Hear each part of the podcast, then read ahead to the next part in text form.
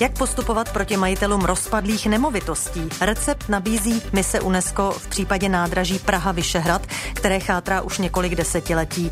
Za jedinou možnost jeho záchrany považuje vyvlastnění. Proti majitelům nemovitosti v Česku ještě tuto metodu nikdo nepoužil. V Berlíně ale třeba vzniklo hnutí, které chce s pomocí vyvlastnění zajišťovat dostupné bydlení. Velcí pronajímatelé tam vlastní několik tisícovek bytů. A tak se vás dnes ptáme, považujete vyvlastnění za přijatelnou metodu, jak ochránit rozpadlé památky? Měla by města v případě bytové nouze přistupovat k vyvlastnění některých majetků a jaká opatření by měla přijmout města, aby se nevylidňovala jejich centra? To jsou dnešní témata pro diskuzi s vámi. Těšíme se na vaše názory. Můžete nám jet telefonovat. Naše telefonní číslo do studia je 221 552 777. Taky můžete jako vždy psát na Facebook, na Twitter i na mobilní aplikaci Českého rozhlasu Plus. I na vaše internetové názory dojde. Věra Štechrová přeje příjemný poslech. Radioforum.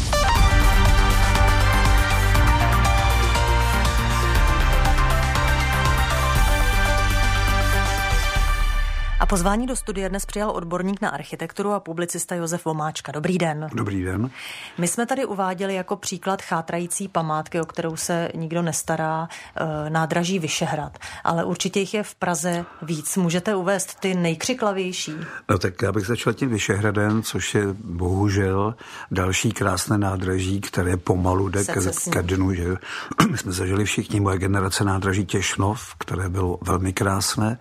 Toto to nádraží to už nestojí a já se bojím toho, aby to nedopadlo stejně, protože ta hra okolo nádraží Vyšehrad je neuvěřitelná, se i dokonce těžko sleduje, protože těch projektů majitelů bylo habaděj a podle mě se divím zprávy železniční dopravní cesty plus českým drahám, že na to všechno hledí jakoby s klidem. To se mi nelíbí. Ale ty další domy, možná, že chodíte někdy Hybernskou ulicí, mm-hmm. od Prašné brány směrem k Masarykovu nádraží.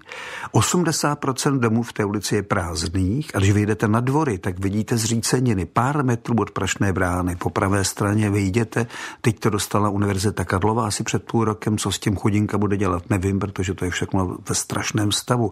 Ale podobně i ty paláce po levé ruce, což jsou také některé, to jsou bývalé šlechtické paláce, jsou buď to prázdné, poloprázdné, hledají mat, neustále se přeprodávají a podobně. Hybernská ulice je velmi smutný příběh. Další katastrofa je třeba pan Stýblo a jeho paláce na Příkopech a na Vaslavském náměstí. Palác Alfa je od roku 90 prázdný a postupně zcela zdevastovaný. Pan Stýblo všechno, co tam bylo, co se dalo odmontovat, sebral, odnesl, je to jeho majetek. Že? V Kyně Alfa je metr a půl vody, nahoře všechno nefunguje, ten dům, to je dokonce ostuda. Já myslím, že je to národní technická památka, že konstruktivistická stavba nádherná a město na to zírá. Praha jedna zírá, Praha velká zírá. V podstatě to takzvané vyvlastnění, ono se dá zvolit podle mě i jiný, jiná, jiná formulace toho aktu, tak to je velká škoda. Palác Pelikána na Příkopech, to je další majetek pana Stýbla, zdevastovaný no, dalšími si... těmi Teď si asi uh, hodně lidí řekne, ale proč někdo kupuje za obrovské miliony uh, budovu v centru nebo nádraží Vyšehrad a pak ji nechá chátrat? Proč se to děje? No tak jsou různé, různé cesty tady tím směrem. To nádraží, podle mě tam se spekuluje s tím, že spadne a že se tam postaví pozemky. tři kancelářské budovy a tedy Omikron, architekta Kotíka, ten s tím nic nemá společného, jako myslím, že majetkově a tak dále, ale vymysleli tam dvě velké kancelářské budovy, které přesahují svojí horní rampou, přesahují velikost toho nádraží a de facto ho tam jako zmáčknou mezi sebe k stavbě nedošlo. Podle mě díky bohu, že to nádraží se tam vytváří krásné okolí a když se, kdyby se opravilo, jako doufám, že se to nakonec podaří zachránit, tak je to architektonická památka velmi nádherná. Rok 1872, takže už je pěkně letité. Ale řada těch budov se nechává chátrat ze dvou důvodů. Buď to se tím ospravedlní nějaká přestavba, většinou na hotelové ubytování, anebo se ten barák strhne. Že jo? Těch, hmm. Ono to není vidět, ale je to v podstatě velmi častá, častá varianta. Znamená to, že nechat dům schátrat a postavit nový dům vyjde levněji, než ten dům starý historický opravit? No podívejte se, ono možná nejde ani tak o cenu, ale o to, o to, o to užití. Vy tam postavíte něco, co si ušijete na míru. Většinou se tam nestaví už byty, že byty vlastně nikdo v Praze jedna nechce, a potom řeknu zajímavá čísla, ale tak se z toho dělají takové ty mini byty, které se pronajímají všelijakým způsobem, no, nebo se prodají nějakým mluvitým občanům Ruska a tak dále. Proč eh, potom ty domy, třeba v tom centru Prahy, které jste uváděl, tak eh, proč eh, se ti majitelé tedy nezachovají ten dům a jen ten vnitřek nepřestaví na to, co potřebují, to nemají dovolené. Ale ne, to se dělá taky, samozřejmě to dokonce převažuje. Uh-huh. Tady to, to bourání je taková výjimka, ale my jsme se dali příklad těch dvou, třech staveb, které jsou za hranicí. Znáte sami ten příběh toho velkého Kozákova domu na rohu Opletolovy ulice Václavského náměstí. Mm-hmm. Pokud jste tam nedávno šla, tak jste si všimla, že ten dům, který tam postavil ten pan britský majitel, tak vůbec nesouvisí s tím projektem, který prezentoval. To je prostě hranatá, jednoduchá stavba s stovkami kanceláří a bude tam nejlevnější obchodní dům světa, Primark, na který jsou všechny puberťačky těší, nebo za 30 korun se tam budou moct koupit tričko, ale ta, ten pardon, posun významu toho místa je velmi závažný. V podstatě to přerušování té paměti toho města je tady křiklavým příkladem, jako tady uvedl vás se bourali ty baráky od architekta Ulického, které měly svoje no, vady. Transgas a vlastně dva, dvě budovy Transgasu měly svoje, samozřejmě svoje vady, ale patřily na to místo, bylo to doklad své doby, prostě doby, kdy vznikaly v 70. letech. No. Uh... Poslouchneme si teďko, co si o tomhle myslí naši posluchači. Máme uh, Pavla, uh, vezmeme nejdříve ženu, Lenku Kučerovou. Dobrý den. Dobrý den. Eh, paní Kučerová, tak jak vy se ano. díváte na tu devastaci památek a proč vlastně ty památky nikdo neopravuje a nechává je chátrat?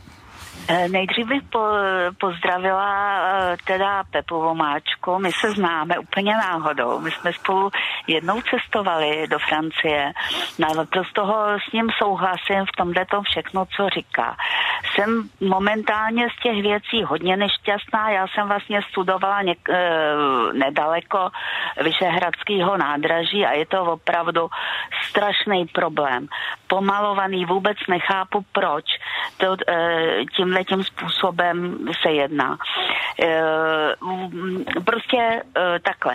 E, Pepa mluvil spíš o těch památkách. Já, protože jsem starší osoba, tak momentálně řeším bydlení. Já třeba si myslím, že bych klidně bydlela v Praze 1 kdyby to bylo dostupný. Klidně bych eh, předělala všechny tyhle ty paláce na normální hezký byty pro lidi, kteří si toho budou vážit, že tam bydlejí, ne žádný hotely a podobně. Nevím, proč se to prostě nedá udělat. Eh, pan Vomáčka eh, tam jmenoval nějaký majitele, ale já mám dojem, že většinou vůbec nejsou ty majitelé dohledatelný. Mm-hmm. Teď existuje snad nějaká daň z nemovitosti. Teď oni to snad musí platit, nebo já tomu nerozumím. Když nějaký paláce, eh, teď je to musí stát strašný peníze na Praze jedna. Jako eh, vybírá to někdo, nevybírá to někdo, vykašlou se na to nebo ne. Lidi mají problém s nějakou chatou zaplatit no, jako daň z nemovitosti. A tohle to opravdu nechápu, jo. Mm, dobře, paní Kučerová. Se, mm. Ano, ano, ještě. ano. Eh, ono, eh, jak, jak to bylo naz, nazvaný, to není znárodnění, to je vyvlastnění. vyvlastnění. To zne, jako můžeme někdo vysvětlit, eh, co to je to vyvlastnění? Budeme o tom mluvit, Kom... dobře. Mhm. Jo, dobře, ano, děkuji ano. moc. Děkujeme paní Lenka Kučerová naslyšenou a poslechneme si Pavla Michala, ten je také na telefonu. Dobrý den. Dobrý den. Vy považujete vyvlastnění, takzvané vyvlastnění e, památky, o kterou se nikdo nestará, za přijatelnou metodu, jak eh, třeba právě chránit rozpadající se e, památky? Mhm, já to mám asi složitější. V naší zemi před rokem 1918 byla jistá pravidla i pro estetiku, prostředí, pro užitečnost Eh, těch hledisek bylo více. Ona revoluce 1918 to radikálně eh, zredukovala, což člověk chápe, prohraná válka, nehledělo se doprava doleva A tahle ta smutná tradice přístupu k věcem a bohužel i k lidem tady pokračuje. Uh-huh. Smutnější pro mě je třeba stav ornice, stav lesů a k tomu potom ty památky tak nějak nesou tenhle ten úděl těžký. Nejdříve to byly církevní památky, které byly devastovány cíleně. Já jsem mluvil osobně s lidmi, kteří potom dostali rozum a se z toho káli, že jezdili na, úste, na Českolipsko eh, demolovat takzvané tmářské eh, předměty a tmářské objekty, tedy rozumí se církevní poutní místa, staletá eh, centra civilizace, centra kultury, centra umění, potom ve stáří jim to došlo, že to bylo špatně. Jeden eh, významný, jedna významná rodina i kandidáta na prezidenta tam má dodnes chatu, kterou, nebo dům, teda chalupu, kterou při té příležitosti těchto těch akcí tam eh, ten člověk obsadil a potom tedy získal. Čili to je mnohem složitější, ty kořeny toho pohrdání věcmi, ale co chci říct ještě, Eh, před tím rokem 1918 byl ten nárok na tu estetiku životního prostředí. Eh, moje prateta uschlí švestky a protože byla stará, zmrzly ty švestky a protože byla stará, tak to nedokázala hned uklidit. Měla suchý strom na své zahradě. Okamžitě tam někdo přišel a že to v té vesnici nechtějí, že se to nehodí, že se to prostě takhle nedělá. A ona je musela darovat, protože nemohla to zpracovat, nemohla to využít. Hmm. Eh, to bylo takhle zavedená civilizace hluboce. A to tu dnes říkám, podle vás není, rozumím. Hmm. Všechno hmm. a pak se to bortí eh, sem tam. Hmm. Pa... Vyvlastnit samo o sobě eh, asi, asi nestačí, protože ten spekulant pochopitelně se přesune kamkoliv jinam, nebo v katastru vidíme, kdo jsou ti vlastníci. To je ty lidi do jisté míry, aspoň ty poslední dohledatelní vlastníci, jsou v pozemkových knihách a všude. Hm. Dobře, pane Michale, e, děkujeme, děkujeme za váš názor, děkuji naslyšenou. Naším hostem je stále odborník na architekturu a publicista Josef Vomáčka. Tak my bychom mohli, možná protože dnes mluvíme o tom, že jednou z možností, jak zachránit tu chátrající památku od soukromého majitele, který se o ní nestará, je právě vyvlastnění. Doporučuje to i UNESCO třeba v případě Prahy, Vyšehradu, nádraží. Tak co to vlastně to vyvlastnění je? Můžeme to popsat pro paní no. Eh, Kučerovou? Ono totiž to má mnoho variant. Například eh, v Beneluxu a některých severských zemích, pokud nějaká budova hyzdí to město, je prázdná, nevyužívaná a skutečně chátrá, tak to město napřed ten dům upraví krásně a potom pošle majiteli fakturu. Ano a ten majitel, když to nezaplatí, tak o ten dům přijde. Mm-hmm. A to pozor, to už je mnoho let, to se opravdu odehrává v Kodani a tak dále. To byl takový příběh, který mě se osobně líbí, protože já bych třeba tu Alfu opravdu panu Stýblovi vyfakturoval, pokud by to nezaplatil, tak se nezlobte, tady máte problém. Čili to je takové elegantní vyvlastnění. Já totiž se toho slova, jako každý Čech, trošku bojíme, že vyvlastnění to zní všelijak jinak a tak dále. Nejsem právníkem, ale mám pocit, že u těchto staveb by se takový krok podobný, který jehož cílem je zachrana toho, toho domu nebo tak dále, měl realizovat. Možná se tomu dá říkat jinak, nebo převzetí do nějaké zprávy, nebo takhle neumím to přesně, ale slovo vyvlastnění opravdu připadá strašidelné, ale asi, asi by to bylo jedno z mála možných řešení, že těch domů je strašně moc v Praze. Jenže já vám ještě skočím ano. do řeči. Já totiž jsem bydlím v Praze 1 když jsem se v roce 84 nastěhoval vedle Straměstského náměstí, tak měla Praha 1 84 tisíc obyvatel. Dnes uvádí Praha 1 falešné číslo 21 tisíc. 60 tisíc lidí je pryč. To je velké město, to je pomalu krajské město. Jeniž ještě jsem hovořil s panem ředitelem Boháčem, ředitelem Imperu institutu, že to znáte všechno, a ten mi říkal, že z těch 21 tisíc lidí minimálně 10 tisíc lidí tam má fiktivní bydlení, aby tam mohli parkovat. Čili na Praze 1 zůstala osmina původních obyvatel. Co to znamená? Zhroucení struktury toho města. Hmm. Jakákoliv infrastruktura nefunguje. Na našem náměstí bývalo papírnictví, mlékárna, zelenina a dvě hospody. Jedna blbá, Kde nejsou jedna zákazníci, nejsou obchody. Nejsou zákazníci, nejsou obchody a vlastně to město de facto nefunguje. A stává se z toho ta skořápka. Ta Praha 1 je jeden velký hotel, co jsme nikdy takhle nechtěli. No. Zatelefonujte nám svůj názor. 221 552 777. Přijímá linka do Radiofóra. 221 552 777. Dnes mluvíme o tom, jak zachránit eh, staré domy, staré památkově chráněné domy, které eh, ve vlastnictví soukromých majitelů chátrají.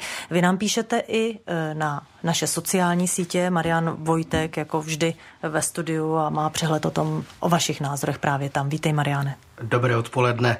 Považujete vyvlastnění za přijatelnou metodu, jak ochránit rozpadlé památky? To je naše otázka, jak na Twitteru, tak na webu plus rozhlas.cz, tak na našem Facebooku. Takže hlasujte v anketě a pište naše komentáře. Jaroslav Němec na Twitteru si myslí toto. Nikdo není nucen si pořizovat památkově chráněné objekty. Pokud tak z vlastní vůle učiní, tak na sebe přenáší nemalé finanční břímě a samozřejmě i speciální péči s tím spojenou. Pokud se o památku nestará, musí musí zasáhnout stát a vyvlastnit. Za vyvlastnění náleží finanční náhrada. Teď k Facebooku Honza Lipavský nádraží Vyšehrad vyvlastnit určitě. Je to v zájmu nás všech, aby se tyto památky zachovaly. Vždycky, když jedu okolo a vidím ten stav, tak mi to skazí den. Jan Konzolo, Konziolka na jedné straně je vlastnické právo, pokud ale vlastník sám nedodržuje zákony, například zákony chránící onu památku a předchází tomu zákonné výzvy, potom je vyvlastnění o oprávněným postupem proti nezákonnému jednání majitele. Eh, Petr Schlesinger si myslí, že vyvlastnění je nástroj, který by se měl využívat i vůči spekulantům s nemovitostmi. Eh, Martin Klíma eh, myslí, že vyvlastnění se nabízí, možná by se mělo jednat spíš o vykoupení. Anna Čechová každopádně vyvlastnění, o tom by měl rozhodnout soud a měl by to stát zaplatit. Honza Kejt Lejsek odstrašujících příkladů je příliš mnoho ale někdo měl pádné protiargumenty. Eh, podobně je to se squattingem. Jakub Šoltes vyvlastnění s cílem záchrany památky ano, ale pouze ve specifických případech. Není památka jako památka. Pokud jde o něco opravdu výjimečného, pak prosím, jinak ne. Eh, Petr Vodička je proti vyvlastňování, jestli je vlastník nedbalý, ať to stát opraví a vymáhá po něm, pokud bude v úpadku, ať to jde do prodeje a může si to koupit, kdo chce, i stát. David Hlaváč je také proti vyvlastňování. V žádném případě, jak píše, soukromé vlastnictví je nedotknutelné, je třeba hledat jiné cesty. Pokud vím, tak v případě památek už existují zákony, pravidla na to, jak se má majitel chovat ke své nemovitosti v situaci, kdy se jedná o památku, že ji nemůže své volně předělávat a tak dále a tak dále. Petr Novotňák ne dost zlého je na tom už, že je nutné vyvlastňovat kvůli dálnicím, když chce mít památky opravené eh, stát, může položit ruku k dílu a nabídnout pomoc. A ještě Ankap Mat, eh, ta se ptá, tedy považujete vyvlastnění za přijatelnou metodu? Ne, nikdy, vždyť je to krádež, konec. Jakýkoliv argument, který padne, proč je nějaký konkrétní vyvlastnění dobře, je vždycky relevantní a vůbec nevyvrací, eh, že je to krádež. Tolik vaše názory eh, z internetu. Ještě si poslechneme Petra Kováře, který eh, zatelefonoval přímo do studia. Dobrý den. Kovářu telefonu, dobrý den. Eh, co se týče jedného taky toho vyvlastnění, tak tam ne, není dobré řešení ani ano, ani ne. Ale konkrétně to Vyšehradské nádraží, jezdívám tam kolem docela často, to je něco neuvěřitelného. A v tomto případě ani ne, ani ne vyvlastnění, ale v podstatě rovnou demolice ale vrátil bych se jiné k věci a to je sice k Praze 1. si dávno jsem tam bydlel, ještě pamatuju starosta Birgermeistera. E, toto byl zárodek toho, že Praha 1 je dneska hotel. A hmm. myslím si, že je to jenom o tom, že ani radnice, ani další instituce a včetně hlavně městské policie v té době a dneska v podstatě také nekonali, co měli. Řeknu jeden příklad za všechny když si chtěl soukromý majitel nebo obyvatel Prahy 1 pořídit satelit nebo nějakou speciální anténu, v té době začínaly wi tak to bylo 76 razítek. A stejně to končilo tím, že na konci památkáři řekli, řekli rezolutní ne, nepřekročitelné. když se postavil kousíček od trhu, Eh, předělal hotel, okamžitě tam bylo 12 satelitů, 16 antén, pětiokoliv povolení bez ničeho. Toto je ten zárodek a původ všeho zlého. Pane Koláři, děkujeme za váš no. názor naslyšenou. Eh, Petr Vom, Josef Vomáčka, odborník na architekturu ve studiu.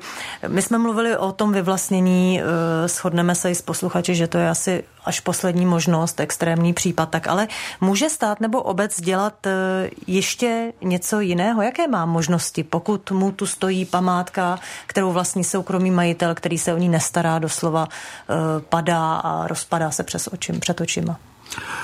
No, mě by zajímalo, co si myslíte vy sám, a protože těch možností není moc, jak hmm. jste sami slyšeli z těch Pokus reakcí. o odkup. Pokus o odkup a tak dále. Ale on těch případů klasických památek není zase tolik, že na té Praze jedna e, ta domovní situace je smutná, protože ty domy jsou prázdné, tedy oni tam, někdo tam bydlí, ale my to nejsme. Hmm. Pražáci tady nebydlí, že Praha vlastně ztratila hlavu. Pozor, to je strašně nebezpečné. Ten organismus města, pokud nefunguje, tak je to obrovské memento. Podívejte se, jak docela dobře fungují Davice, Karlín, nebo já nevím, tady Vinohrady okolo vás. Myslím, že ty čtvrtě jsou relativně v pohodě. Určitě Tady vypadají, lidé bydlí, a... vypadají dobře a podobně, když to bydlení je drahé, jako nechci to ani rozmazávat, ale u tom, to centrum města je prostě pryč. Že? A to je, to je pro, jak tady pan kolega před chviličkou říkal, to je vina té radnice. A, a proč ono... chce mít Praha jedna, eh, na Praze jedna, jenom hotely a prázdné domy a nechce tam mít obyvatele? Já si myslím, že to teďka bohužel já jsem nové vedení Prahy jedna, že ono vlastně nepracuje, protože přece jenom to je přece vedení těch lidí, toho města. Měst, lidi jsou město, ne domy. Domy tak, tak stojí, nestojí, jak je to muzeum nebo co z toho je. Jakmile tady nebydlí lidé, tak je to strašně krizová situace. A oni se potom vlastně dělají, co chtějí, protože nemají koho řídit. To je, pozor, to je absurdní, to je jako science fiction. Orwell vedle toho je nic, to, co se stalo. Ale pozor, to je jako je opravdu není legrace, protože když tam vám zmizí 70 tisíc lidí během 20 let, tak to město prostě není. Že? A potom vlastně de facto už s těma budovama si může dělat kdokoliv cokoliv chce. Mimochodem, jak složité je dohledat právě majitele, také se na to ptala jedna ano. posluchačka. Já myslím, že to není těžké. Já myslím, že když by se chtělo, tak se to dá najít raz, dva. Majitel se dá A někteří najít. mají uh, sídlo na Panenských ostrovech. No tak dobře, tak bych tomu zaletěl. Že? ne, promiňte. Já si myslím, že to není ten problém. Problém je prostě řízení té čtvrti nebo té části města tak, aby fungovala, aby tam mohli se vrátit lidé. Hm. Jiří Korda se dovolal. Dobrý den. Dobrý den. Prosím vás, já přesně bych chtěl souhlasit tady eh, s panem řečníkem, protože já chci poznamenat příklad vlastně velmi komerční ekonomiky, jako je určitě ekonomika USA a město New York, který si tuto situaci uvědomil už před lety, já přesně, protože jsem to nestudoval do hloubky, tak, eh, ale už se to objevuje třeba ve Woody Allen, eh, Woody filme, kdy oni poznamenají, to je terno, já mám být placeným městem a vlastně město New York zjistilo, že pokud Eh, nepodporuje tu infrastrukturu, nepodporuje by lidi, kteří nemají obrovské částky, protože na Manhattanu se platí obrovské částky, tak se to město umře, stanou se tam pouze velmi drahé obchody, nechci říct prostě i pochybné, prostě velmi jakoby drahý biznis se tam pouze přesune, který má možnost si to zaplatit a to město zemře. A oni začali, eh, mají síť státem dotovaných, teda, teda mě, tím městským státem New York dotovaných uh, bytů a aby to město prostě neumřelo. Já jsem vyrůstal na Praze jedna, musím souhlasit, tam dřív se dalo normálně žít, když to dneska vlastně ta infrastruktura chybí. Tak si jenom chtěl říct, že příklad velmi to často lidi překvapí, že i tak jako prostě komerční ekonomika, jako ekonomika USA a město New York vlastně na co to myslelo a mohli bychom se o to třeba poučit, eh, jak to město New York prostě řeší. Hmm. To jsem chtěl říct tomuto tématu. Děkuji, pane Kordo, děkuji, naslyšenou. To byl dobrý příspěvek, protože už od 20. let, to není novinka teď, staví se v New Yorku celé bloky obecních domů, které jsou vybaveny na naše poměry velmi dobře, velmi příjemně, i když nejsou tak vzhledné jako něco vedle. Čili tam se totiž eh, odehrávají dvě eh, dva souběžné momenty. V těch nových vysokých obytných domech, které jsou teďka se staví 30 patrové, už se nestaví kancelářské budovy, staví se obytné domy. Tam jsou extrémně drahé byty ale současně se opravují a staví ty jednoduché domy pro ty sociálně slabší. A ten mix tam musí být. Jakmile to ne, ne, nespojíte, tady ty, ty osoby, co tam žijí, bí, presují, tak to město, jak správně pan kolega říkal, umírá. Hm. Jaká by asi byla odpověď Prahy jedna na otázku, proč eh, neopravíte některý z těch starých eh, domů prázdných a eh, neuděláte tam byty? Nemusí být sociální nebo část z nich sociální a část z nich na pronájem. Co by asi odpověděli? Já se tudíž bojím, bojím svoji myšlenku říct nahlas, protože mám osobní, jak tam, jak tam bydlí pár, že? Hmm. tak se všichni vlastně známe. Nechci ubližovat zase staronové partě, která dneska převzala Prahu 1, ale já si myslím, že by měli takhle myslet. Měli by pracovat s tím prostorem a s tím prostředím a hlavně s těmi lidmi. Měli by tam být pro ně, měli by jim pomáhat. Jak to jde, že samozřejmě tam je problém s nájemným ze vším, ale jakmile se nezačnou starat o to své město, tak oni vlastně přicházejí každým dnem, každou hodinou. Publicista Josef Vomáčka byl dnes s námi ve vysílání. Děkuji za to, naslyšenou. Děkuji, mějte se hezky, nashledanou. A my se vrátíme k anketám, Mariane. Ano, považujete vyvlastnění za přijatelnou metodu, jak ochránit rozpadlé památky. Konečný výsledek z Twitteru je odpověď spíše ano a na webu plus rozhlas.cz je to odpověď určitě ano. Takové bylo dnešní radioforum. Věra Štechrová vám přeje eh, příjemný pátek a také příjemný víkend. Zůstaňte s plusem.